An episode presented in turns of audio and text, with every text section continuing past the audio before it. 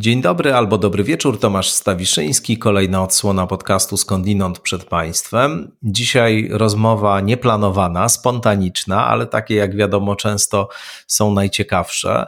Rozmowa, która się wzięła e, z Facebooka i jest e, kontynuacją tematu, który poruszaliśmy tydzień temu z Maciejem Jakubowiakiem. E, Andrzej Gąsiorowski, e, prezes i współtwórca inicjatywy Photo for Climate, adwokat, bloger, autor bloga Dlaczego ludzie wycinają drzewa, aktywista klimatyczny, będzie e, Państwa gościem. Andrzej Gąsiorowski słuchał naszej rozmowy z Maciejem Jakubowiakiem zeszłotygodniowej, no i poczuł rodzaj sprzeciwu wobec tego, co, co tu mówiliśmy. Napisał post na Facebooku, gdzie właściwie w pierwszej wersji tego posta e, zarzucił nam coś na kształt takiego miękkiego negacjonizmu. Później to pod wpływem także i mojego komentarza, gdzie protestowałem przeciwko e, takiemu określeniu, zamienił na optymizm specyficzny, który tu wykazywaliśmy. No a wątpliwości Andrzeja Gąsiorowskiego wzbudziło to traktowanie końca świata jako pewnej metafory czy jako pewnego mitu. Tak rozumiałem te wpisy, które mm, Andrzej Gąsiorowski zamieścił, no i też te komentarze, które tam się pojawiały, że E, no właśnie powstały jakieś wątpliwości, na ile my tutaj e, odnosimy się w sposób taki właśnie metaforyzujący czy mitologizujący do bardzo realnych, potencjalnych, tragicznych, dramatycznych efektów E, globalnego ocieplenia i, i, kryzysu klimatycznego. No więc pomyślałem, że skoro są takie kontrowersje i to może nie jest jasne, co tutaj mówiliśmy, co ja mówiłem, też z jakiej pozycji, z jakiej perspektywy, to dobrze sobie to po prostu bezpośrednio wyjaśnić. E, ja też raczej e, miałem od początku poczucie, że no z całą pewnością w żadnym sensie jakichkolwiek treści negacjonistycznych tutaj nie głosiliśmy. No i bardzo chciałem, żeby właśnie Andrzej Gąsiorowski się tu pojawił i żebyśmy mogli sobie na ten temat e, porozmawiać otwarcie. No i zgodził się, żeby, żeby się spotkać i pomówić. Wcześniej też jakoś e, wymieniliśmy kilka uwag w mediach społecznościowych, co też było dla mnie na przykład bardzo dobrym doświadczeniem, bo jak Państwo zapewne wiedzą, na podstawie tego, co tu mówię, ale też może na podstawie moich książek czy tekstów, mam raczej niewiele wiary w możliwość komunikacji za pośrednictwem mediów społecznościowych, takiej komunikacji właśnie, to znaczy wymiany poglądów, dyskusji, polemiki, no bo innego typu komunikacja się tam często udaje. No ale tutaj właśnie okazało się, że da się ciekawie rozmawiać także na Facebooku i, i można się dogadać właśnie nawet w sytuacji, kiedy są jakieś niejasności. No i też e, mam nadzieję, że e, zaciekawi Państwa ta, ta nasza rozmowa, gdzie właśnie konfrontujemy te swoje punkty widzenia i jakoś e, rozmawiamy o tym, co jest wspólne, co, co niekoniecznie. Nie będę tutaj nic zdradzał, nic zapowiadał z tego, co zostało powiedziane. Zostawiam to Państwu. No a zanim jeszcze Was właśnie z tą naszą rozmową spontanicznie powstałą zostawię, to chciałbym tradycyjnie podziękować wszystkim patronkom, patronom, subskrybentkom, subskrybentom. Dzięki za Wasze wsparcie, za Wasze wsparcie komentarzowe, za wszystko, co od Was dostaję, niematerialnego i dzięki też oczywiście za wsparcie materialne, które też umożliwia temu podcastowi funkcjonowanie. Dzięki dla firmy StrategyWise, ekspertów do spraw komunikacji, za wsparcie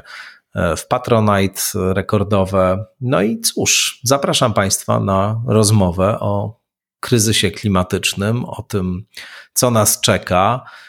o katastrofie klimatycznej, o końcu świata, takim czy innym, no i o tym, jak właściwie o różnych zagrożeniach rozmawiać, jak docierać z przekazem do ludzi. Dużo tutaj wątków poruszamy, no ale cóż, Andrzej Gąsiorowski przed Państwem.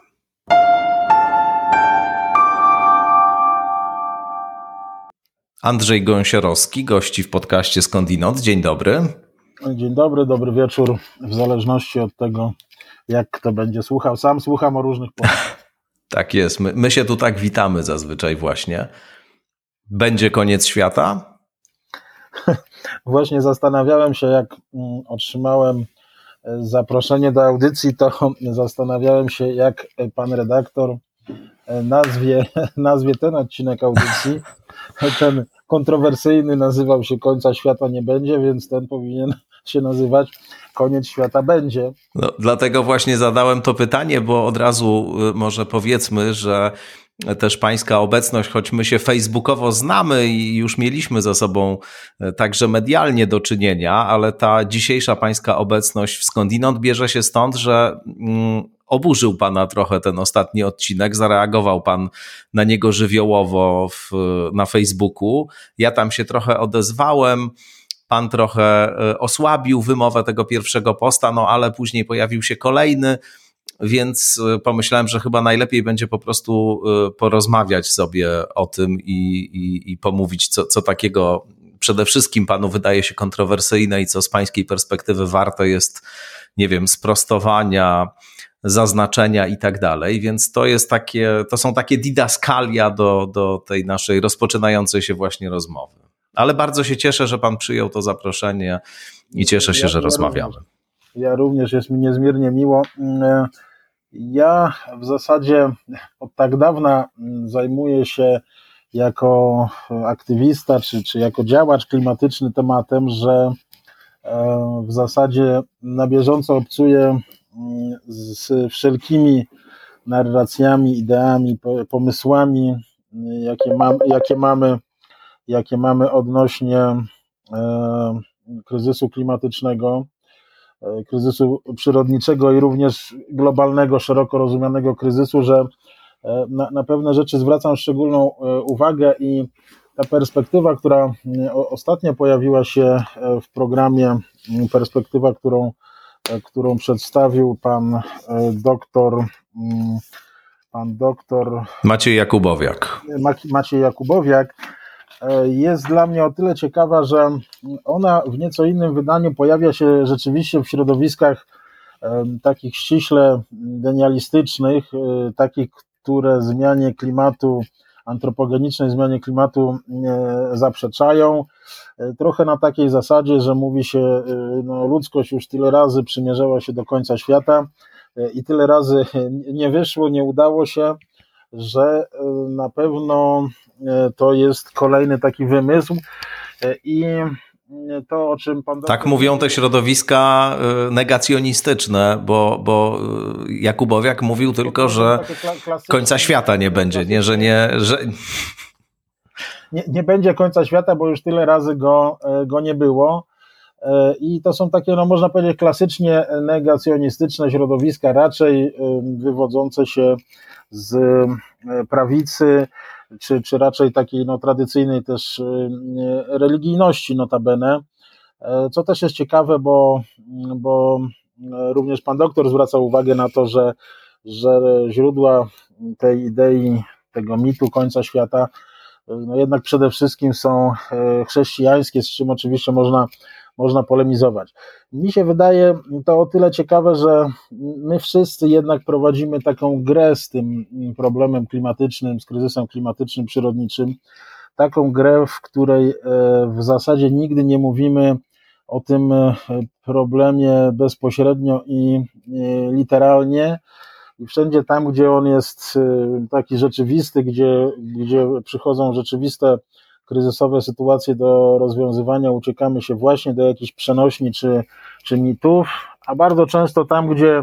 należałoby do problemu zastosować y, mit, czy przenośnie, czy jakąś opowieść, to tam z kolei y, na siłę szukamy jakichś rozwiązań przeważnie społecznych, które miałyby go rozwiązać. E, I w pierwszym odruchu rzeczywiście, e, tym bardziej, że,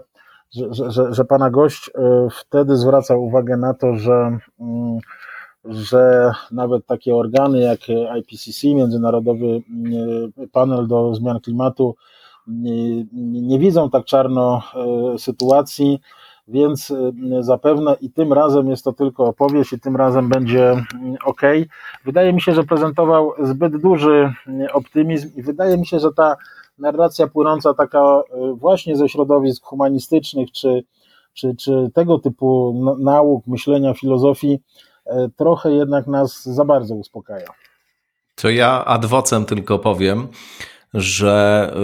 y, ja bym jednak tutaj rozróżnił te, te dwie kwestie, mm, to znaczy kwestie zmian klimatu, kwestie kryzysu klimatycznego i tych wszystkich drastycznych, mniej lub bardziej konsekwencji, które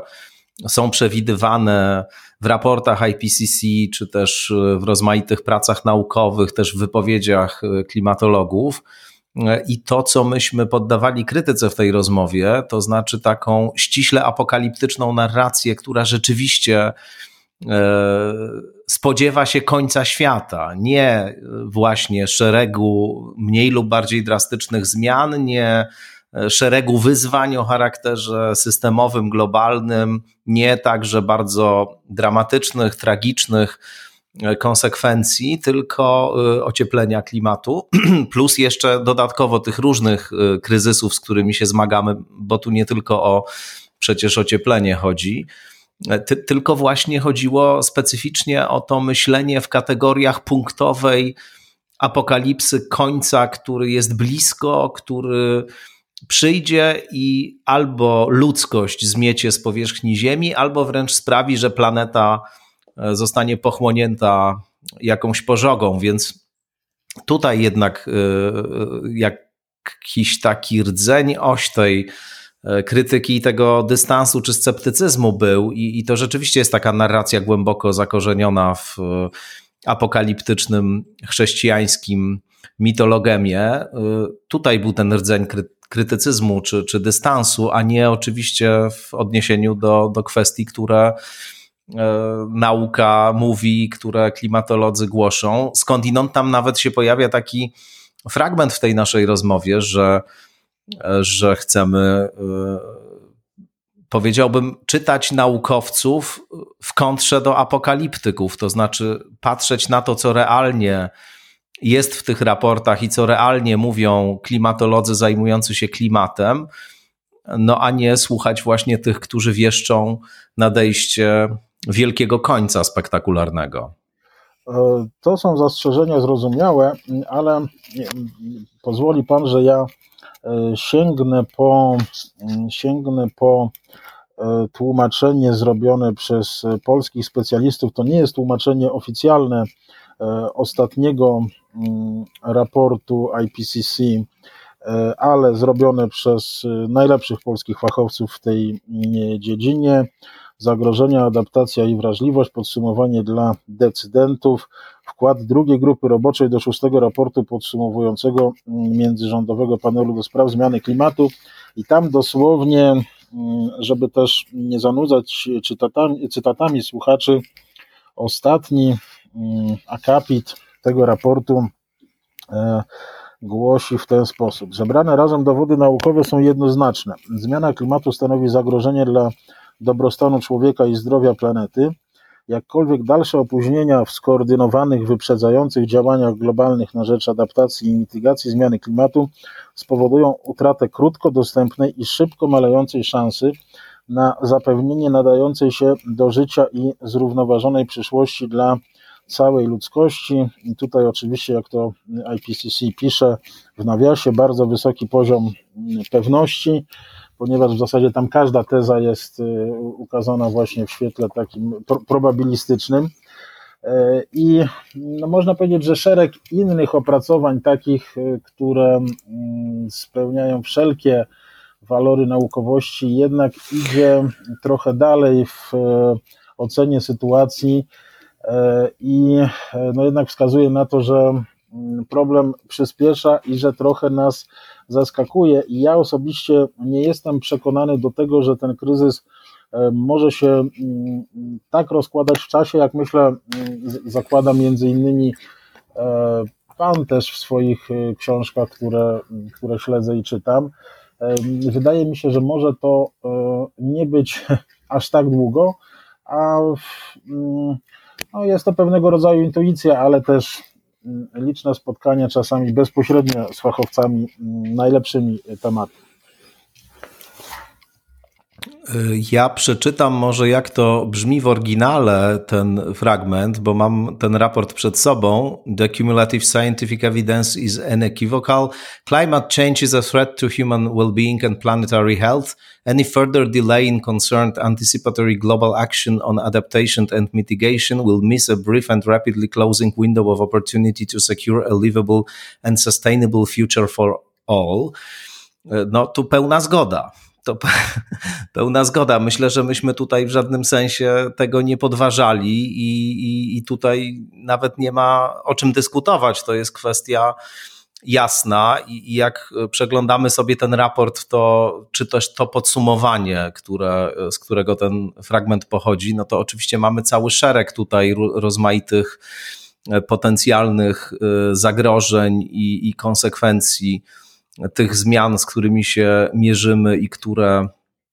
hmm, e, i które jeśli e, żadne e, czy odpowiednie środki nie zostaną przedsięwzięte, no to będą się pogłębiać i będą niewątpliwie powodować cały szereg zagrożeń i, i, problemów. Natomiast ja tutaj jednak nie widzę niczego, co sugerowałoby globalną apokalipsę czy koniec świata. Widzę tutaj cały szereg wyzwań, systemowych problemów, rozmaitych y, zagrożeń, mniej lub bardziej drastycznych, które y, przynosi ze sobą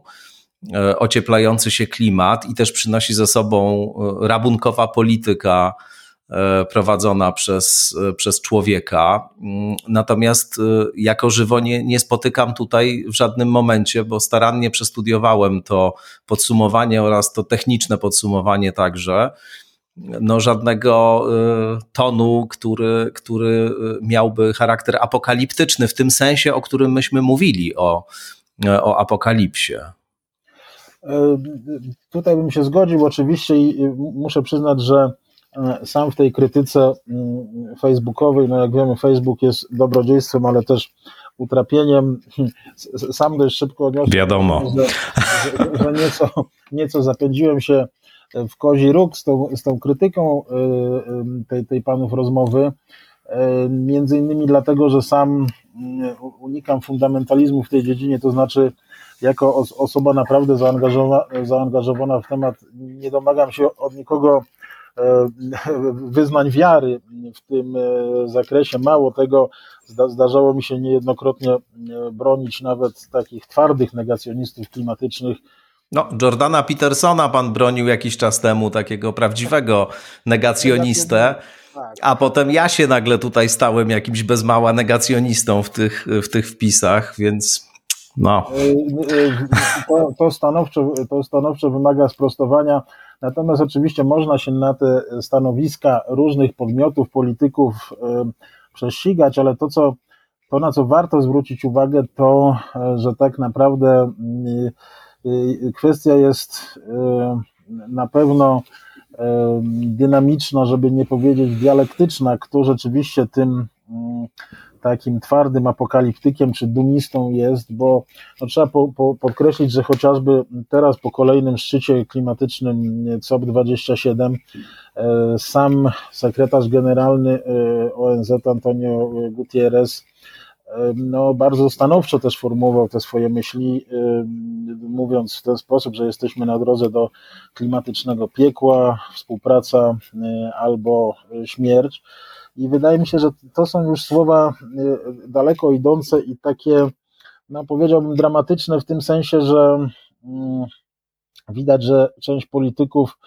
część polityków problem bagatelizuje, a część siedzi w temacie bardzo głęboko i dostaje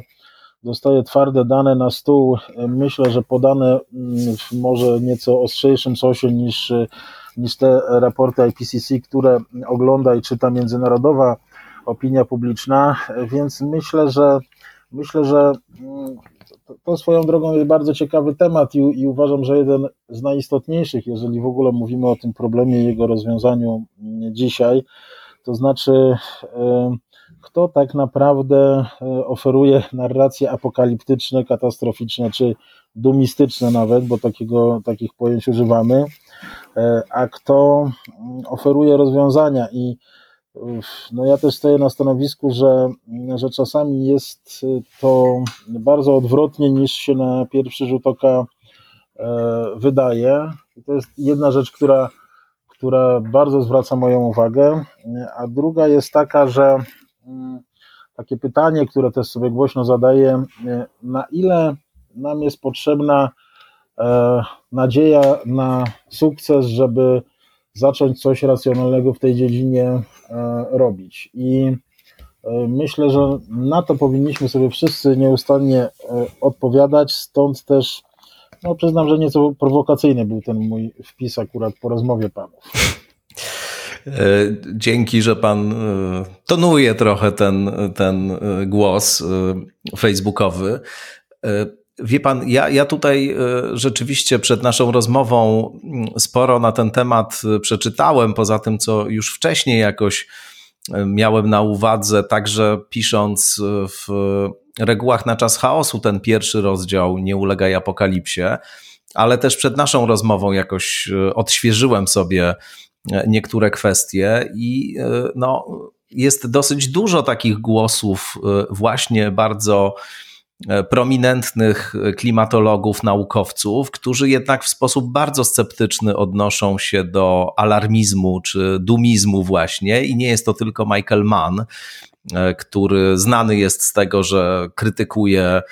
tego rodzaju podejście i, i, uważa je wręcz za pewien, e, pewną odmianę negacjonizmu, właśnie ten dumizm, czy katastrofizm, czy, czy apokaliptyzm. Ale mam na przykład przed sobą w tej chwili taki tekst z mm, portalu Climate Feedback, który zbiera, jest, jest takim fact-checkingowym portalem znanym panu z całą pewnością dotycz, do, do, do, właśnie dotyczącym kwestii klimatycznych. No i tutaj mamy taki komentarz na przykład do bardzo głośnego tekstu jednego z głównych e, alarmistów, który wszakże e, od niedawna już e, takim alarmistą nie jest jak kiedyś, czyli Davida Wallace'a Wellsa, Uninhabitable Earth to jest y, taki słynny artykuł Wallace'a Wellsa, dziennikarza, który się kwestiami klimatu zajmuje, który się ukazał w 2017 roku. On, tak, on później, z tego, on później z tego zrobił książkę. W każdym razie mamy ten, ten tekst, y, w, w którym no, jest wizja ściśle apokaliptyczna, jeśli, jeśli można tak powiedzieć, o tym, że no, właściwie tutaj, jak sam tytuł głosi, nie będzie dało się żyć e, na tej planecie. I tutaj 17 e, naukowców, 17 e, klimatologów i, i, i ludzi zajmujących się tymi kwestiami sformułowało komentarze do poszczególnych fragmentów tego tekstu, no i e, oni wszyscy poza tam bodaj jedną osobą w sposób taki bardzo zdecydowany wypowiadają się przeciwko e, apokaliptycznej wizji głoszonej przez Wallace'a Wellsa. Mówią, przede wszystkim nie ma w nauce poparcia dla tych tez, to znaczy nie można wyprowadzić takich wniosków, jakie on w różnych momentach tego tekstu wyprowadza. E, więc ten, i, i to w szczególności dotyczy tych najbardziej drastycznych, najbardziej y, takich apokaliptycznych właśnie scenariuszy. E, tu w każdej właściwie opinii jest to, że no nie ma tutaj podstaw do tego, wnioski są wyciągane nie, nie w nie, nieuprawniony sposób. Ktoś mówi nawet, że wręcz śmieszne są te, te, te wizje, które, które on tutaj snuje. No i też jest wiele zastrzeżeń właśnie do tego, na ile tego typu narracja jest narracją e, skuteczną, czy, czy na ile ona w ogóle pomaga e, w, tych, e, w, te, w walce o tę sprawę, o świadomość społeczną dotyczącą zmian klimatu. Natomiast co do tego, że te apokaliptyczne wizje nie są ufundowane w nauce, no to, no to właściwie tutaj tych 17 specjalistów całkowicie się zgadza. Jest też e, tekst e, z października e, Wallace'a Wellsa, października 2022 roku, gdzie on się właściwie wycofuje z tych wszystkich, z tych wszystkich twierdzeń. Powiada. Słucham? Z tych wcześniejszych twierdzeń, tak. Tak, z tych właśnie apokaliptycznych się, się wycofuje. Pisze tutaj, że no, pomiędzy taką wizją rodem z Polianny, czyli takiej, tak, taką wiarą bardzo naiwną, że wszystko będzie dobrze, a jednak jakąś taką apokaliptyczną właśnie wizją, że życie się skończy, e, świat zostanie zniszczony, miliardy ludzi umrą i tak dalej, no jednak jest e, taka bardziej realistyczna w tej chwili wizja, że będziemy się mierzyli niewątpliwie z bardzo poważnymi zagrożeniami, ale E, ale, ale że i, i oczywiście jedni lepiej sobie poradzą, a drudzy gorzej, ale że e, no, na pewno nie będzie tej apokaliptycznej właśnie e, historii. Tu też jest jeden taki ciekawy fragment, bardzo mi się spodobał, gdzie on pisze, to oczywiście znowu jest dziennikarz, który tutaj po prostu porozmawiał też z wieloma klimatologami, przejrzał te wszystkie raporty, wyniki badań i teraz je rekapituluje. I w pewnym momencie mm,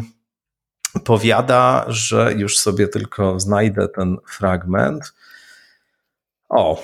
że, że to takie realnie apokaliptyczne ocieplenie, które y, jeszcze parę lat temu mogło się wydawać realne, dziś już y, wydaje się być y, znacznie mniej realne, i że to nas, to co dziś właśnie możemy na ten temat powiedzieć, niejako wyjmuje z, real, z rzeczywistości mitu i y, sprawia, że wracamy do historii, że z mitu, że tak powiem, z powrotem jesteśmy w historii, w której musimy się oczywiście borykać z różnymi problemami, trudnościami, cierpieniami, no ale generalnie jesteśmy w, nie, nie jesteśmy w micie apokaliptycznym, tylko w historii właśnie. No, to, to, to mi się wydaje bardzo też ciekawe w kontekście tego, o czym, o czym przed tygodniem tu była mowa. Przepraszam, że tak rozlegle tutaj y, o tym mówię, ale poniekąd też zostałem trochę wywołany, więc, więc się chciałem tutaj wytłumaczyć. Ponad wszelką wątpliwość są to rzeczy istotne, natomiast mi się wydaje, że mm, tutaj jest pewien rozdźwięk, mniejszy czy większy, między, e, między spojrzeniem na kwestię klimatyczną, a na kwestię w ogóle mm, ekologiczną, na kwestię całej e, biosfery, ponieważ jeśli chodzi o sam e, klimat, to rzeczywiście gdzieś jakieś promyki optymizmu się mm, pojawiają, bo jednak coś się w sferze przemiany energetycznej dzieje, mm, natomiast Myślę, że większymi pesymistami i, i, i apokaliptykami w cudzysłowie, czy nie w cudzysłowie, mogą być, mogą być ludzie, którzy zajmują się bezpośrednio przyrodą i e, bioróżnorodnością. Mm, oczywiście tu nie ma sensu przerzucać się na, na, na raporty, bo byśmy znaleźli ich całe mnóstwo, ale na przykład w 2021 roku mm, ukazał się taki mm, obszerny artykuł Underestimating the Challenges of Avoiding a Ghastly Future. To było,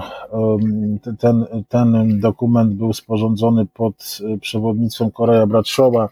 To jest taki no, wybitny specjalista od bioróżnorodności, ikona w zasadzie tej, tej nauki. No i tutaj w, w większość czytelników, słuchaczy oczywiście może to sobie przetłumaczyć, ale jednak no, wydźwięk tego raportu jest taki, że nie doceniamy wyzwań związanych z uniknięciem koszmarnej przyszłości, tak jak to e, portal Nauka o Klimacie e, tłumaczy. I myślę, że tutaj jest trochę i rozdźwięk z jednej strony, a z drugiej strony jakaś praca do wykonania, żeby pracę ludzi zajmujących się klimatem e, i też przyrodą i bioróżnorodnością łączyć, bo Myślę, że perspektywa klimatyczna stricte wygląda nieco lepiej niż ta perspektywa bioróżnorodności. E, a myślę też, że wracając trochę do, do mitu, czy do takiej wielkiej przenośni końca świata e, w postaci jakiejś, jakiejś formy apokalipsy, to ja mam też takie poczucie, spotykając się z ludźmi bezpośrednio zaangażowanymi od lat w ochronę przyrody przede wszystkim, że dla nich czy dla nas wiele rzeczy jest już e, na tym etapie czymś w rodzaju e, apokalipsy, to znaczy no, ciężko się jest pogodzić ze znikającym niemalże na naszych oczach światem bioróżnorodności przede wszystkim. I myślę, że mm, myślę, że tutaj na pewno pewnie ty, tylu, ilu jest ludzi na tej planecie, to każdy myśli o tym trochę inaczej. Ale myślę, że ci ludzie, którzy siedzą właśnie w temacie przyrody, bioróżnorodności i ochrony, są zbyt, zbyt długo oglądają naprawdę straszne e, obrazy, żeby, żeby nie myśleć o tym, o tym inaczej, a z kolei myślę też, że tego brakuje trochę takim ścisłym humanistom mm, właśnie takiego oglądu, czyli tak naprawdę udania się do lasu, czy gdzieś, czy gdzieś na, e, na bagna. E, no zresztą wśród, wśród gości pana programu i, i, i wcześniej w radio E, tacy specjaliści e, byli tutaj nazwiska. Wiktora Kotowskiego e, na namawiam na rozmowę. Będzie, mam to jakoś z nim już umówione, że będzie niedługo w skądinąd, także na pewno też i o bagnach porozmawiamy. A z Wiktorem skądinąd stoczyłem mnóstwo rozmów i zawsze były niezwykle ciekawe. Do tego między innymi nawiązuję. Natomiast no, mówiąc jeszcze o tej dialektyce y, tej, tej apokalipsy, to mm, warto spojrzeć na, bo no, to zglobalizowany świat, też świat mediów społecznościowych spowodował, że y, tak naprawdę mm, możemy wszyscy rozmawiać y, ze sobą bezpośrednio, więc niemalże mm, nawet tacy zwykli aktywiści z ulicy, za jakiego ja się uważam, mogą porozmawiać z największymi znawcami tematu e, i wymieniać myśli na e, bieżąco. I tu pojawia się jakaś taka dialektyka, właśnie, jeżeli mówimy o tych wielkich postaciach, chociażby takich jak Michael Mann, e, to w moim rozumieniu pojęcia apokalipsy i dumizmu no, następuje, następowałoby całkowite jednak odwrócenie tutaj ról, bo Michael Mann, który się stanowczo e, sprzeciwia myśleniu dumistycznemu, apokaliptycznemu, jeśli sięgniemy po jego książkę, e, do czego gorąco zachęcam, ta ostatnia ja również, nowa, tak. No, nowa wojna klimatyczna, rozdział, rozdział siódmy tej książki, on, już nazwa tego rozdziału jest, jest znamienna, ponieważ on się nazywa w ten sposób, rozdział siódmy, rozwiązanie, które niczego nie, nie rozwiązuje. I tutaj, tutaj wybitny skądinąd klimatolog przy, przytacza mm, różne rzeczy, e, na przykład geoinżynierię jako no, takie bardzo dyskusyjne narzędzie, z czym częściowo należałoby się zgodzić e, jak e, tak zwany CCS, czyli wychwytywanie dwutlenku węgla z, z produkcji energii, czy, czy przy, przywołuje również no to, co jest, to, co jest, można powiedzieć, konikiem, czy jakimś e, emblematem naszej organizacji e, ochrony energię jądrową, czy też zazielenianie planety, adaptację i odporność. W zasadzie wszystkie te elementy w ujęciu chociażby MANA okazują się mm, nie, niewystarczające. I ja w takich sytuacjach zawsze się zastanawiam, to, e, to co czynić, e, skoro e, mamy myśleć względnie optymistycznie, a z drugiej strony wszelkie narzędzia są dyskusyjne, to co robić? No oczywiście Michael Mann udziela jakiejś odpowiedzi, moim zdaniem odpowiedzi pobieżnej i, i niezgłębiającej tematu w szczególności w zakresie produkcji energii,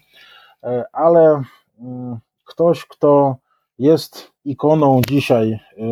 optymistów klimatycznych, praktycznie nie podaje mm, realnych rozwiązań problemu. E, I to jest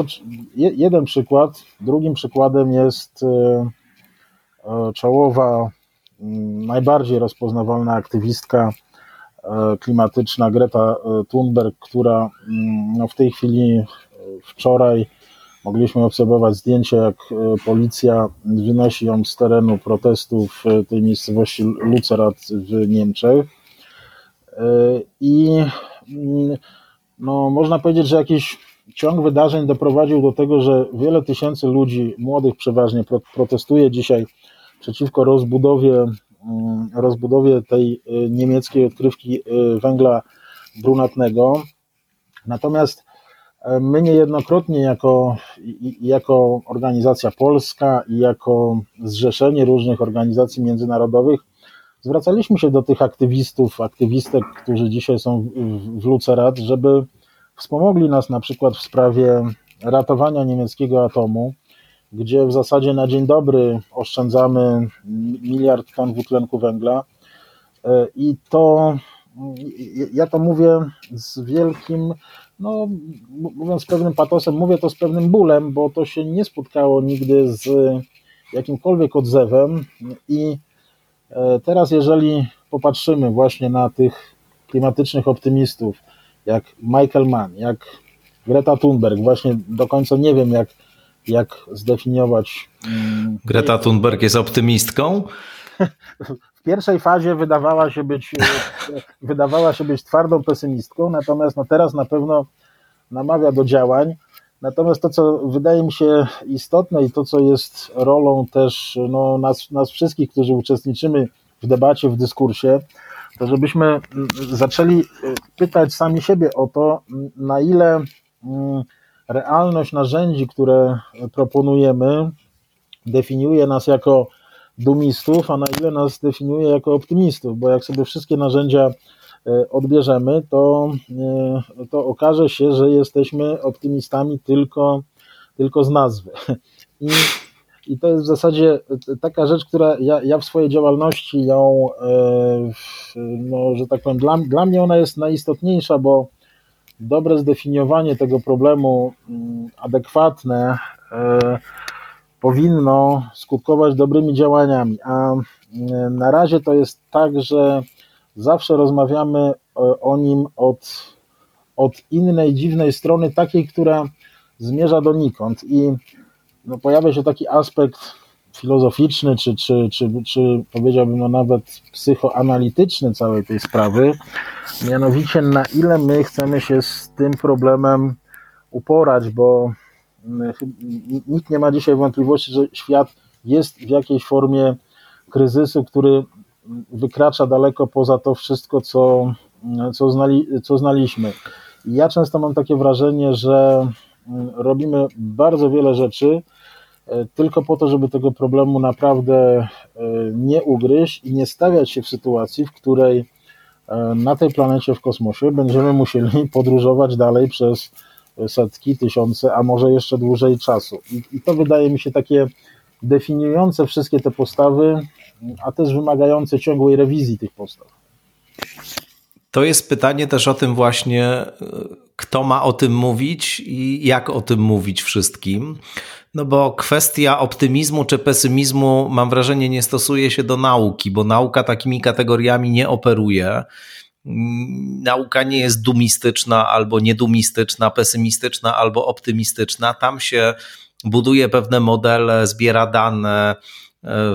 stawia hipotezy i je weryfikuje, analizuje dostępne informacje i e, jakieś predykcje na tej podstawie się formułuje, które podlegają korekcie, zmianom. To jest e, charakterystyka procesu poznania naukowego, że on jest nieskończony, to znaczy zawsze są, jest ta otwartość na to, żeby zweryfikować, zmodyfikować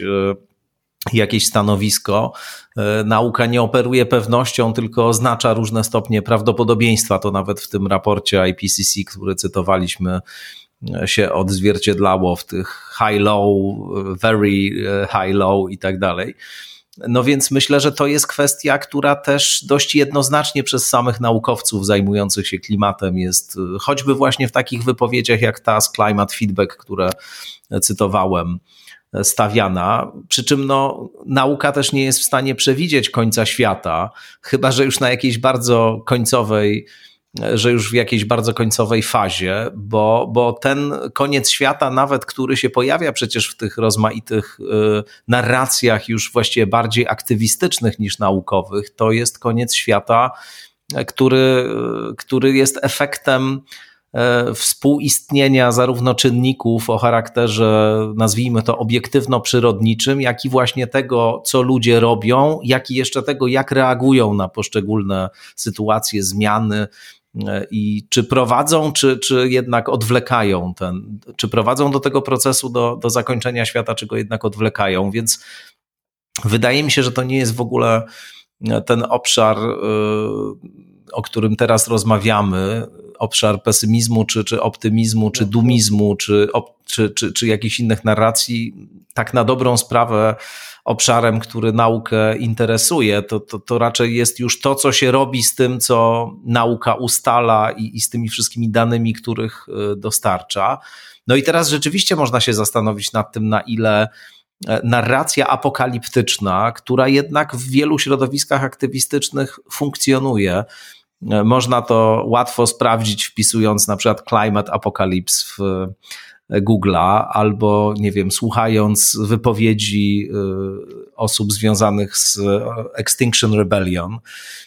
Jest słynna wypowiedź współtwórcy Extinction Rebellion Rogera Halama z BBC News z 2019 roku, gdzie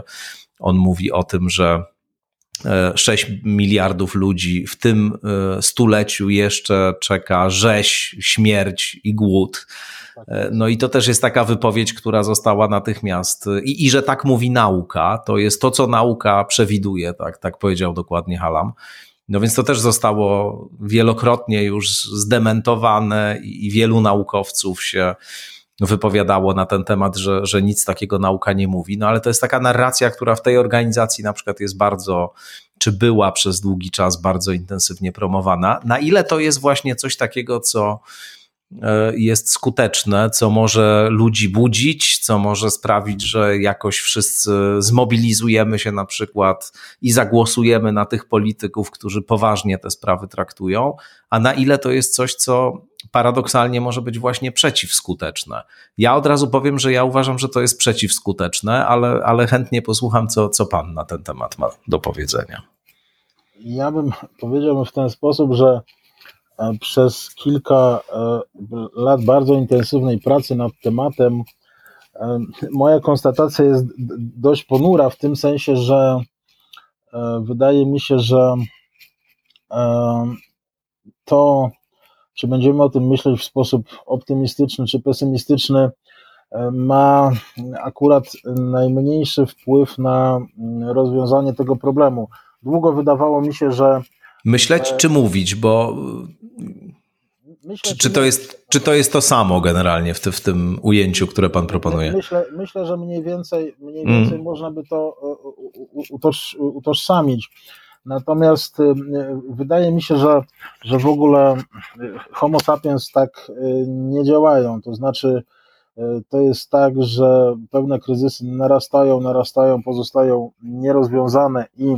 w pewnym momencie nagle to rozwiązanie się pojawia. E, I ja na przykład bardzo często i też jak rozmawiam z przyjaciółmi, szukając rozwiązań, e, to wydaje mi się, że mm, takim kryzysem w historii świata, który nam wydaje się bardzo często najbardziej podobny do kryzysu klimatycznego, jest kryzys II wojny światowej, gdzie skala mobilizacji w pewnym momencie jest zupełnie nieprawdopodobna. Skala mobilizacji rozwiązania problemu w sposób globalny, bo i wojna też jest y, globalna. I ja myślę sobie, że mm, to może iść i chyba dobrze, żeby szło właśnie w takim kierunku, że w pewnym momencie coś zaczyna się zmieniać tak, że zaczynamy działać za wszelką cenę, że kończą się dyskusje, czy to będzie sprawiedliwe społecznie, czy nie będzie sprawiedliwe, czy E, czy ktoś e, na tym ucierpi, czy nie ucierpi, tylko po prostu musimy sobie to, mówimy sobie, to musi zostać zrobione. I myślę, że jeżeli nie nadejdzie taki moment w tym zmaganiu klimatycznym, na razie trochę markowanym, to myślę, że nic z tego nie będzie. I na razie, na razie mm, bardzo wiele rzeczy wskazuje na to, że że w tej formie, w jakiej obecnie ten temat przepracowujemy, to się nie udaje, bo te szczyty klimatyczne, ten szczyt teraz w Egipcie zupełnie bez konkluzji, zaraz później odbył się kolejny szczyt, 15 zdaje się, w, w sprawach bioróżnorodności, również bez konkluzji. Widać, że ta formuła współpracy międzynarodowej się wyczerpuje i no, porównując tę sytuację do wojny, również tej bieżącej, która się toczy przy naszej granicy, zresztą całkowicie strasznej, też będącej elementem szerszego kryzysu, e, no to jest trochę tak, że my możemy dyskutować, możemy robić różne rzeczy, proponować, proponować różne rozwiązania, ale tak naprawdę to, co pomaga, to mm, wyrzutnie rakiet, czołgi, samoloty i amunicja. I, i trochę tak, i trochę tak e, trzeba by moim zdaniem zacząć myśleć o kryzysie klimatycznym, to znaczy nie myśleć o tym, że mm, zmienimy teraz świat, społeczeństwo i człowieka w jakiejś wielkiej przemianie, moim zdaniem zupełnie nierealnej, tylko po prostu zróbmy co trzeba, wyrzućmy elektrownie węglowe, e, oszczędzajmy jak najwięcej mm, przestrzeni dla przyrody, a może się uda, a może złagodzimy mm, sytuację. I też to pytanie, które no tutaj między wierszami też y, y, Pan jakoś zadał, jak do tego problemu podchodzić. Ja sobie myślę trochę tak, że ja uważam, że ludziom taki nadmierny optymizm nie jest potrzebny w tym sensie, że wydaje mi się, że wszystko to, co nazywamy etyką czy etycznością, jednak szczególnie w naszej kulturze, zawsze kształtowało się w ten sposób, że zmagaliśmy się z wyzwaniami, którymi no, ostatecznie wiedzieliśmy, że na końcu nie podołamy, bo na końcu jest, na końcu wszystkich czeka nas to samo, włącznie z jakimś szerszym kontekstem, również, również y, końca wszechświata takiego czy innego. Natomiast no, wydaje mi się, że to jest dość paradoksalne, że to, co kształtuje naszą etykę, to znaczy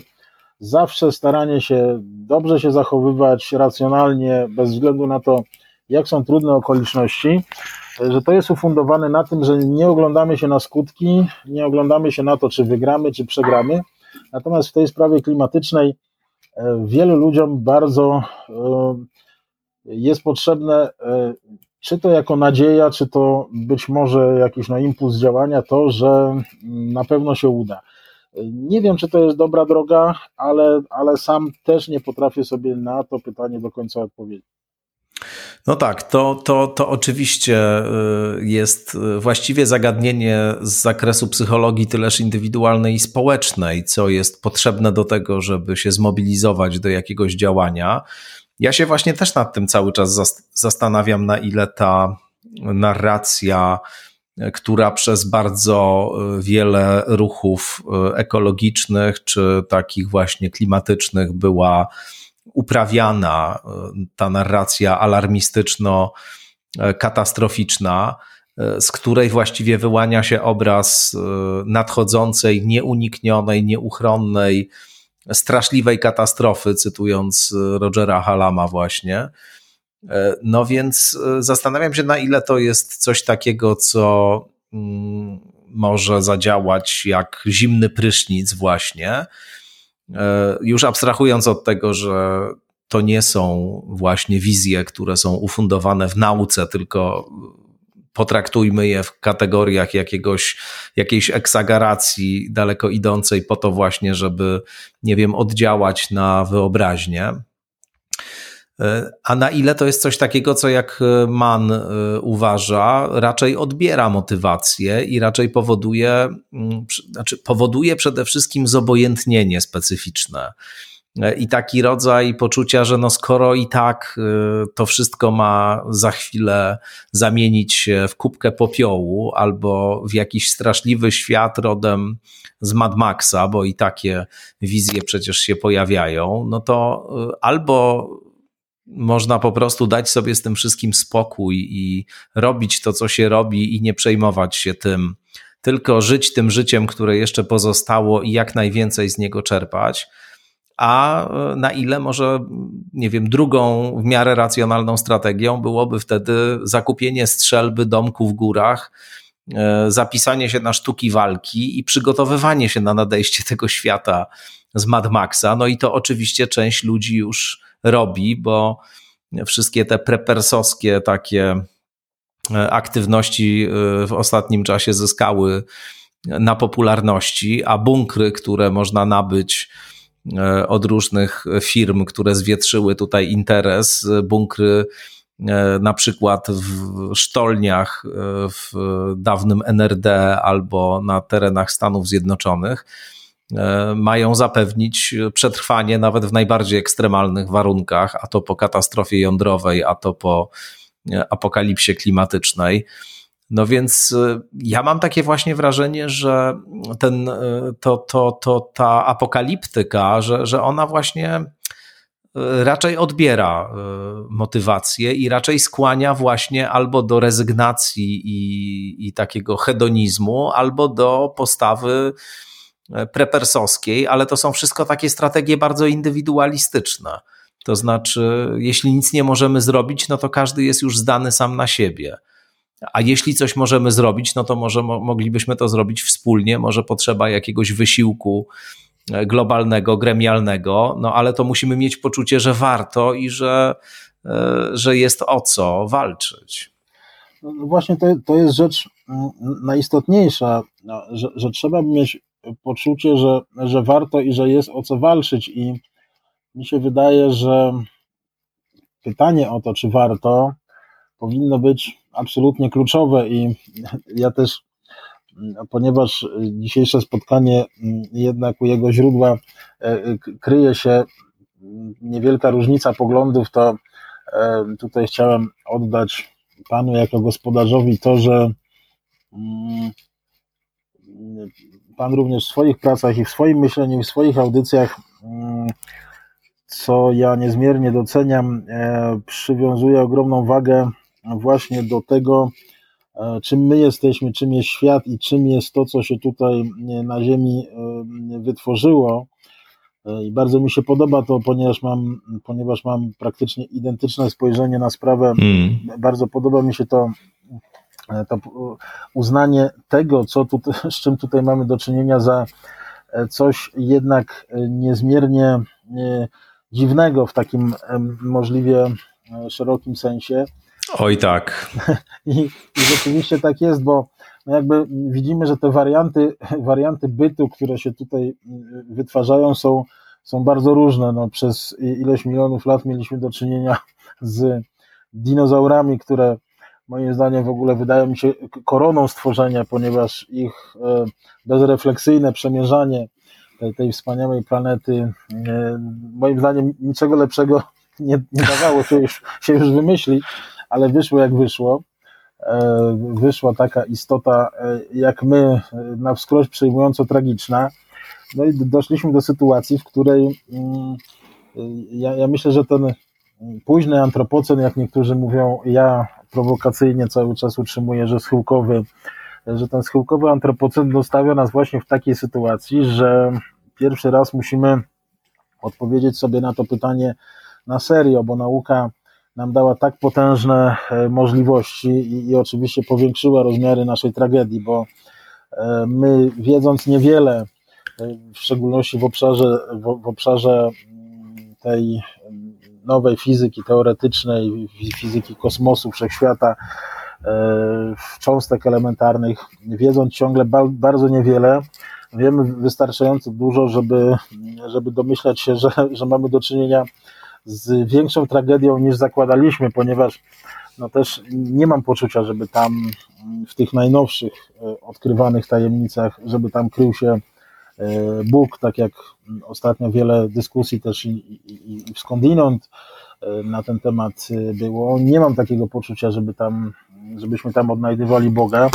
Tym, ja podobnie. Co za tym idzie, co za tym idzie bezsens narasta e, i myślę, że ten bezsens definiuje nas dzisiaj bardziej niż kryzys klimatyczny, stąd naturalna chęć jest u przedstawicieli naszego gatunku, żeby powiedzieć sobie, e, bo myślę, że my go wszyscy czujemy, bez, bez względu na to, co mówimy, czy jesteśmy wierzący, czy chodzimy do kościoła, czy chodzimy do, do meczetu, myślę, że to czujemy.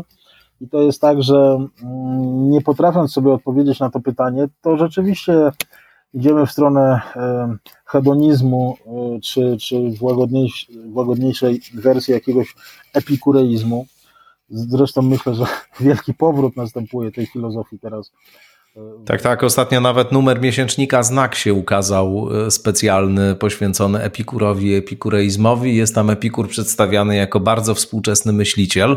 E, I no, no właśnie to jest bardzo ciekawe, że, że, że wracamy do takich klasycznych, etycznych rozwiązań e, problemu istnienia. Natomiast no nie, nie możemy ich połączyć z tym, z tym kryzysem klimatycznym i mówimy sobie, no rzeczywiście jakoś to będzie i do końca trzeba to dociągnąć. I, I w tej sferze filozoficznej należałoby to przełamać, ale przełamać po co i dlaczego, tego nie wiemy, skoro nauka, no moim zdaniem, nie, nie pokazuje, że istnieje jakaś ostateczna tajemnica do, do odkrycia. I myślę, że, myślę, że to jest, osobiście myślę, że to jest największy e, problem, większy nawet od tego klimatycznego, że my jesteśmy trochę przerażeni sytuacją, w której e, z tego miecza Damoklesa klimatycznego e, udałoby się nam spod tego e, miecza uciec. I, moim zdaniem to definiuje ten problem w skali indywidualnej, globalnej i takiego konektywnego myślenia. To ja coś jeszcze dodam do tej, tej, tej, tej fatalistycznej opowieści pańskiej bardzo po linii też z moimi odczuciami i, i myślami, choć ja akurat sądzę, że nauka e, w każdym razie intensyfikuje jeszcze poczucie tej dziwności i jakiejś tajemnicy, która to spowija wszystko, choć ta tajemnica nie musi wcale oznaczać, że coś tam jakiegoś głębokiego, sensownego jest pod spodem, tylko e, może po prostu oznaczać, że my nie jesteśmy w stanie jakoś objąć umysłem e, tego, co dookoła, bo na przykład nasz umysł operuje jakimiś kategoriami, które usilnie próbuje instalować w świecie i tak świat widzieć, a świat nijak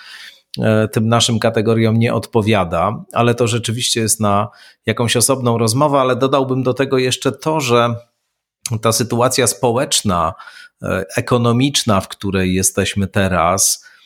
no, niedawny raport Oxfamu mamy pokazujący, że 1% najbogatszych, czyli ludzi Davos, jak to e, Samuel Huntington w 2004 roku nazwał, tych właśnie ludzi, którzy jeżdżą na spotkania w Davos, y, radykalnie się wzbogacił od momentu wybuchu pandemii. Wszyscy zbiednieli, a tylko ten 1% się radykalnie wzbogacił, tam zbierając bodaj dwie trzecie tego, co, co cała ludzkość y, przez te ostatnie dwa lata wypracowała, tak. E, no, y, o różnych kryzysach moglibyśmy tutaj długo rozmawiać, nie, nie tylko y, i nie wyłącznie tych, y, o których już była mowa, tylko właśnie jeszcze politycznych, społecznych, ekonomicznych. Ja sądzę, że dla wielu ludzi ta rzeczywistość, odarta właśnie z jakiegoś głębszego sensu, e, przez naukę, która ten obraz świata y, mitologiczny właśnie zdemontowała, i ta rzeczywistość, w której żyją, codzienna, która jest pełna poczucia niestabilności, niepewności, e, upokorzenia często, braku perspektyw, braku przewidywalnego jakiegoś horyzontu. E, no to jest po prostu świat, w którym wcale się nie chce żyć i nie chce się go ratować wcale. E, I, i wtedy taka wizja rzeczywiście, że oto nagle nastąpi jakiś jego koniec, no staje się niezwykle, niezwykle atrakcyjna, bo, bo, bo temu mitologemowi chrześcijańskiemu, tego wielkiego jednorazowego końca, choć on akurat w Apokalipsie świętego Jana jest tam rozpisany na, na różne etapy, wcale nie jest taki y, punktowy, ale, ale temu też towarzyszy wyrównanie rachunków na przykład. To znaczy, to jest skojarzone z tym, że y, źli zostaną ukarani, a dobrzy nagrodzeni, ci sprawiedliwi właśnie, którzy e, cierpieli różne uciski i tak dalej. No i wydaje mi się, że, że, że paradoksalnie właśnie to jest taka, wie pan, to jest trochę taka kondycja jak, tego boha, tak jak tych bohaterów Welbecka. E, jest w przedostatniej powieści Serotonina e, taki fragment, kiedy, kiedy jeżdżący jakimś gigantycznym suwem, palącym nieprawdopodobne ilości paliwa, bardzo świadomie główny bohater mówi, no może w życiu nie osiągnąłem niczego specjalnie e, ciekawego i ważnego, ale przynajmniej przyczyniłem się do zniszczenia planety. Dokładnie tak, bo mamy tu, no zresztą Welbeck e, znakomicie tę odwróconą logikę e, prezentuje myślenia, jakie się może pojawić w obliczu, w obliczu tego kryzysu, który no moim zdaniem przede wszystkim polegałby na, na konieczności e, dalszego udźwignięcia tego ciężaru, jakim jest, jakim jest istnienie e, w ogóle, ale żeby tak e, powrócić jeszcze od, od pewnego, pewnego abstraktu do, do czegoś bardziej konkretnego, to wydaje mi się, że żeby w ogóle wyrwać się z tych postaw najróżniejszych, epikureizm sam w sobie, czy jakiś hedonizm nie musi być taki zły w rozsądnych dawkach, natomiast żeby przezwyciężyć tylko taką postawę, to jednak warto by się postarać, żeby te, te działania, które w tym zakresie podejmujemy, żeby one były no, w takim i szerokim i wąskim tego słowa znaczeniu adekwatne, to znaczy, żeby jednak prowadziły do celu, bo to, co, e, to, co się dzieje teraz, kiedy tak wiele wysiłków skądinąd ludzi dobrej woli, chociażby takich jak Michael Mann, e, idzie w kierunku tego, żeby tych rozwiązań nie szukać, albo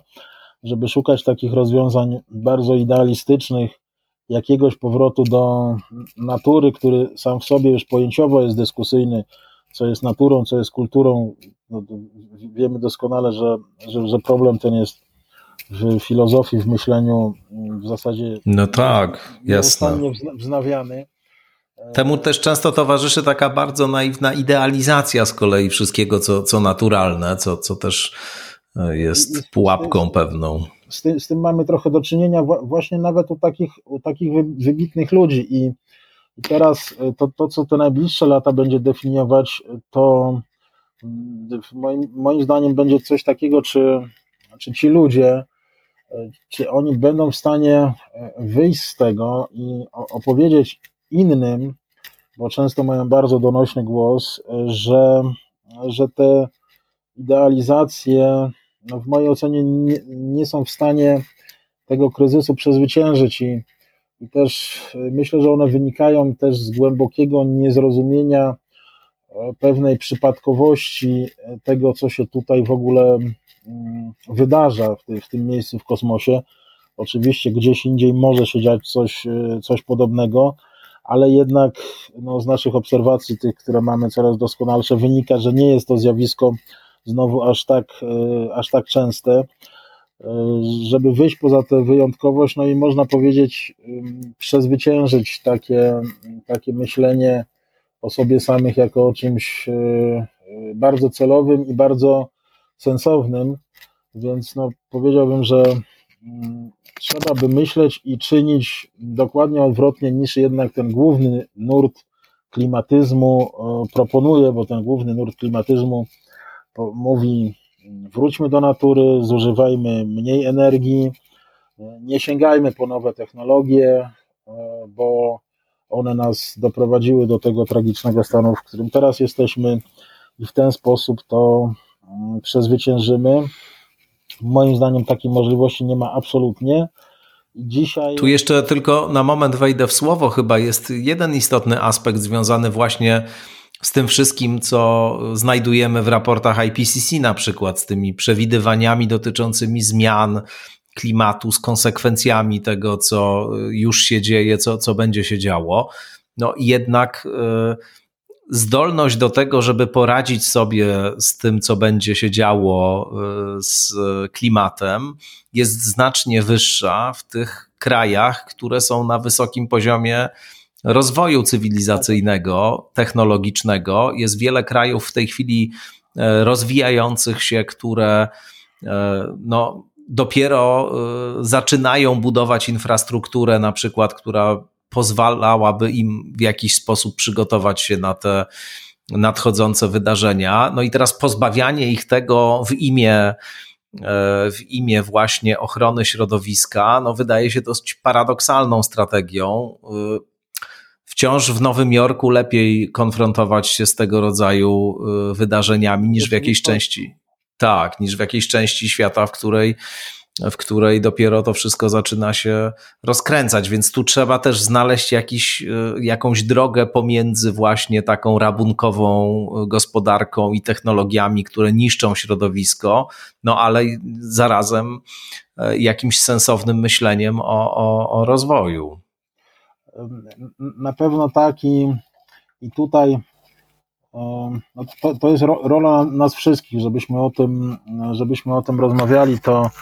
e, to odczarowanie tematu, ponieważ chęć mm, powrotu do natury, moim zdaniem pojęcia zupełnie pustego tak naprawdę, ale ta chęć powrotu do natury jest tak ogromna, że wiele dobrych e, rozwiązań e, jest wyrzucanych w zasadzie na samym, na samym starcie, dobrych, to znaczy takich jak, jak energia jądrowa, jak, jak uprawy modyfikowane, jak to, to, co my też ostatnio proponujemy e, i w, w jakim zakresie będziemy prowadzić kampanię, to znaczy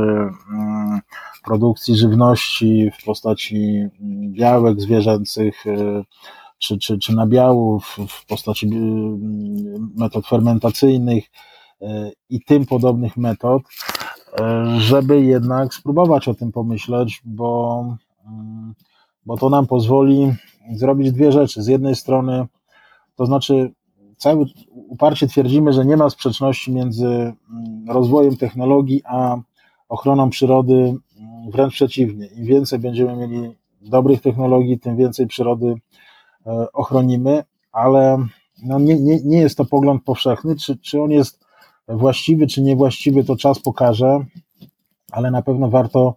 warto w tym duchu y, dyskutować o, o rozwiązaniach, bo e, wszelkie nieadekwatne rozwiązania będą powodować to, co dzisiaj obserwujemy, to znaczy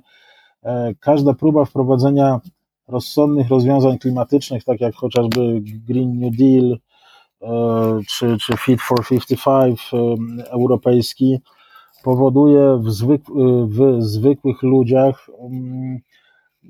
nie, niechęć to jest delikatnie powiedziane, ponieważ przez, przez zwykłych ludzi jest to uznawane za mm, całkowity bezsens i jakieś działania w ogóle wrogie ludzkości, te, też motywowane jakimiś spiskami, których e, ostatnio mm, obserwujemy, jak wiadomo, całe mnóstwo. E, czyli ostatecznie należałoby powrócić do rozumu, zaoferować wszystkim rozum, rozsądne rozwiązania, bo te fantazmatyczne będą powodować uciekanie w różne rzeczy, między innymi w, apok w apokalipsę. No tak, ale tu, tu jeszcze dodatkowo są takie elementy, dwa wskazałbym pierwsze z brzegu, które jak sądzę budują pewien rodzaj nieufności wobec takich narracji, o których mówimy, i to jest też e, potężny problem, mam wrażenie, i to już e, przynajmniej w jednym przypadku jakoś z tym można, jak sądzę, pracować, w drugim no, trudniej, ale e, może najpierw bym wymienił te dwa elementy, o których myślę. Po pierwsze, e, zachowanie elit polityczno-biznesowych. W momencie, kiedy widzimy, że na różne zloty klimatyczne, na które zapraszani są najmożniejsi tego świata, wszyscy przylatują odrzutowcami, a jednocześnie propagowana jest taka narracja, że ludzie nie powinni korzystać z samolotów i najlepiej, żeby na wakacje nie latali, bo w ten sposób przyczyniają się do zniszczenia planety, no to momentalnie, jak sądzę, buduje taki rodzaj dystansu do, E, do całej sprawy, bo ma się wrażenie, że ktoś tutaj kogoś robi w konia po prostu. To znaczy, jeśli ci ludzie, którzy są najbardziej decyzyjni, mają najwięcej e, w rękach e, możliwości, zachowują się tak, jakby to zagrożenie nie istniało po prostu i oni żyją w taki sposób, w jaki im się podoba, a jednocześnie nieustannie wzywa się wszystkich innych do tego, żeby ograniczali konsumpcję, liczyli swój świat, ślad węglowy i tak dalej, no to sądzę, że to wprowadza jakiś rodzaj dystansu i nieufności. No ale druga sprawa to jest to, co mm, przyniosła, przyniosłe ostatnie, ostatnie 12 miesięcy mniej więcej, to znaczy wojna, która rozmontowała w ogóle wszystkie programy ekologiczno-zielone w Europie, która właśnie nas z powrotem do węgla popycha. To jest tak, to jest oczywiście konsekwencja błędnych polityk, błędnych decyzji, uzależniania się od rosyjskiej, rosyjskiego gazu. Natomiast no, to jest też jakaś sytuacja, która momentalnie jakoś rozproszyła to, o czym jednak dużo tutaj rozmawialiśmy i dużo, dużo mówiliśmy. Jak pan to w tym kontekście, o którym rozmawiamy, widzi? To znaczy demoralizujące zachowanie elit i, i demoralizujący przykład, który dają elity, oraz właśnie takie sytuacje jak ta, z którą się mierzymy od lutego 2022 z elitami myślę, że będzie, będzie w ten sposób, że mm, powoli już kształtują się nowe, to znaczy e, jednak e, mnóstwo młodych ludzi, którzy w tych ruchach klimatycznych uczestniczą, e, oni jednak zdobywają jakieś doświadczenie również o charakterze politycznym i mam nadzieję, że mam nadzieję, że część z tych ludzi będzie wchodzić do polityki już z rzeczywistymi rozwiązaniami. Problem jest tego typu, że mm, nawet jeżeli politycy, którzy zdają sobie sprawę z powagi tematu, e, wchodzą do polityki i e, pojawiają się na stanowiskach, gdzie rzeczywiście się o czymś decyduje, to problemem, który będzie nas w najbliższych latach e, czekał, jest utrzymanie ciągłości rozsądnego działania. I to jest najtrudniejsze, bo procedura demokratyczna czy niedemokratyczna zawsze może tych polityków e, wyrzucać z gry na rzecz tych, którzy powiedzą mm, jedzmy i pijmy, bawmy się, póki się da. I, I dlatego tutaj tak ważne są adekwatne polityki klimatyczne, bo jeżeli powiemy ludziom, że mają oszczędzać energię, a rzeczywiście mm, wsiądziemy w samolot, żeby przelecieć e, się pół godziny czy, czy, czy godzinę gdzieś na jakiś e, szczyt klimatyczny, to e, no, można powiedzieć, że mm, zjadacz chleba nie na pewno nie podejdzie do tego ze zrozumieniem, bo do tej pory się to nie, nie dzieje. Wszelkie próby polityk klimatycznych europejskich już spotykają się z dużym oporem, odporem rolników, e, zwykłych ludzi, ludzi, którzy muszą kupić paliwo do samochodu. E, więc tutaj tym ludziom trzeba naprawdę zaoferować coś rzeczywistego. Technologie, pomysły, rozwiązania inżynieryjne również, które e, spowodują, że będą mogli robić to, co robili, może w innej formie, mniej energożernej, lepszej dla przyrody, ale trzeba im to E, rozsądnie zaoferować. Natomiast jeżeli w wielu tych narracjach, które ja, ja osobiście uważam za e, w ścisłym tego słowa znaczeniu apokaliptyczne, tym ludziom, mm, nam wszystkim mówi się coś takiego. Musicie się zmienić, bo e, jeżeli się nie zmienicie, to apokalipsa nadejdzie. I myślę, że to jest absolutnie dość klasyczne ujęcie tego mitu no, człowiek praktycznie nie zmieniał się. Ja tutaj jestem pesymistą co, co do zmiany człowieka, natomiast na pewno zmieniały go technologie. To znaczy, im więcej technologii dostawał, tym jednak więcej miało miejsca dla cywilizacji i dla bycia dobrym dla, dla siebie, bycia dobrym dla innych. Tak, tak bym na to patrzył, więc polityki klimatyczne będą możliwe tylko wtedy, jeżeli będą po pierwsze adekwatne, po drugie będą prowadzić do celu, po trzecie będą uwzględniać ludzkie potrzeby i, i pragnienia, po czwarte nie obarczać ludzi winą, a, a, a w tej chwili wiele pomysłów takich jest. I, i, i te pomysły właśnie uważam za w jakimś sensie apokaliptyczne, a co do wojny, no to ona rzeczywiście pokazuje nam miejsce, w jakim się znajdujemy, ona rzeczywiście jest wynikiem tego, że mm, w dużej mierze, że uzależniliśmy się energetycznie od Rosji jako Europa, a próby były jeszcze dalej idące. E, ogromną próbą jest próba cały czas realizowana, to znaczy pozbycia się z europejskiego miksu energetycznego energii jądrowej, e, ale już tutaj głębiej w to bym e, nie wchodził. Natomiast mm, ta wojna, mamy też wszyscy takie poczucie, również w tym gronie klimatyczno-ekologicznym, że ta wojna ona definiuje również przyszłość klimatyczną, to znaczy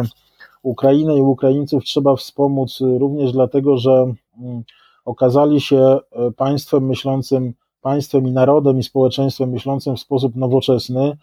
e, inkluzywnym społeczeństwem dla różnych grup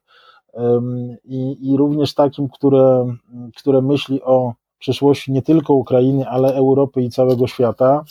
I tam naprawdę mam takie poczucie, że rozgrywa się również sprawa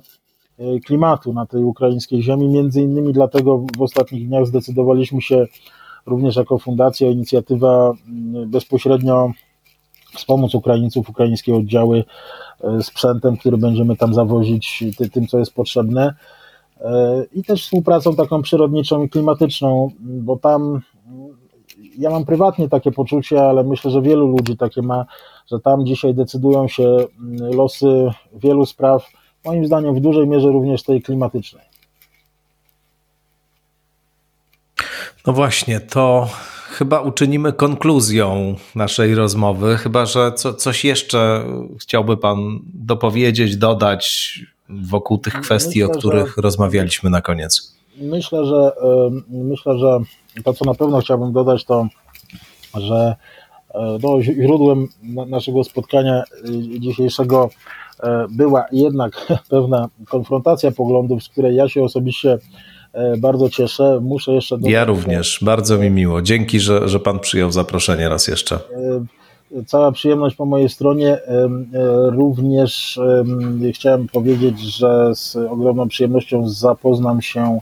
z książką doktora Jakubowiaka, której jeszcze nie znałem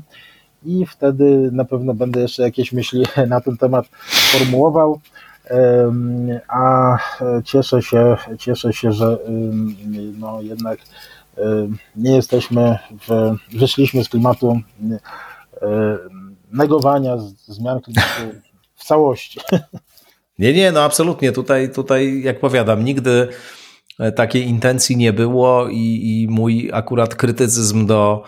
e, apokaliptyczności E, ma długą historię i również długą historię ma moje staranie o to, żeby w przestrzeni publicznej, tam gdzie w każdym razie ja działam, mówić o zagrożeniach e, klimatu, o katastrofie klimatycznej i, jakoś w tej sprawie dostarczać rzetelnych informacji, więc, więc e, mm, absolutnie tutaj raz jeszcze podkreślam, że, że intencja moja w każdym razie intencja była taka, żeby starannie te dwie kwestie rozdzielać i żeby tutaj rzeczywiście trochę przyjrzeć się e, pewnemu mitowi, który potrafi wyobraźnie za, zawładnąć, ale też ze świadomością, no, że, że, że oczywiście to nie jest tak, że skądinąd świat będzie trwał wiecznie i że nie może nadejść jego koniec na jakiejś a priorycznej zasadzie Oczywiście, że może i jak się bardzo postaramy, to zniszczymy planetę do końca, albo w każdym razie nas tutaj, więc to też jest jak najbardziej perspektywa, która e, jest możliwa i, i myślę, że no w ogóle ten czas, w którym żyjemy, on też sprzyja aktywowaniu się takich fantazji.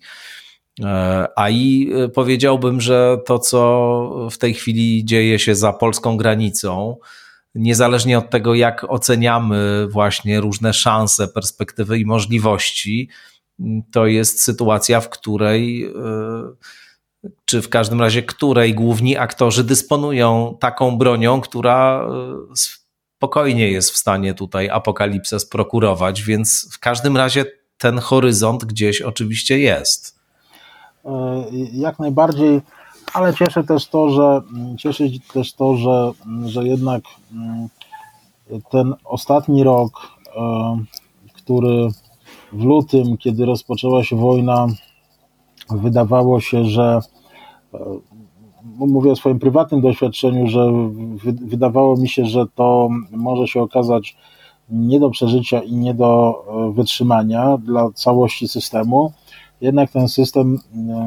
światowy pewną odporność y, wykazał, co jest względnie dobrą prognozą, y, ale też wskazaniem, że musimy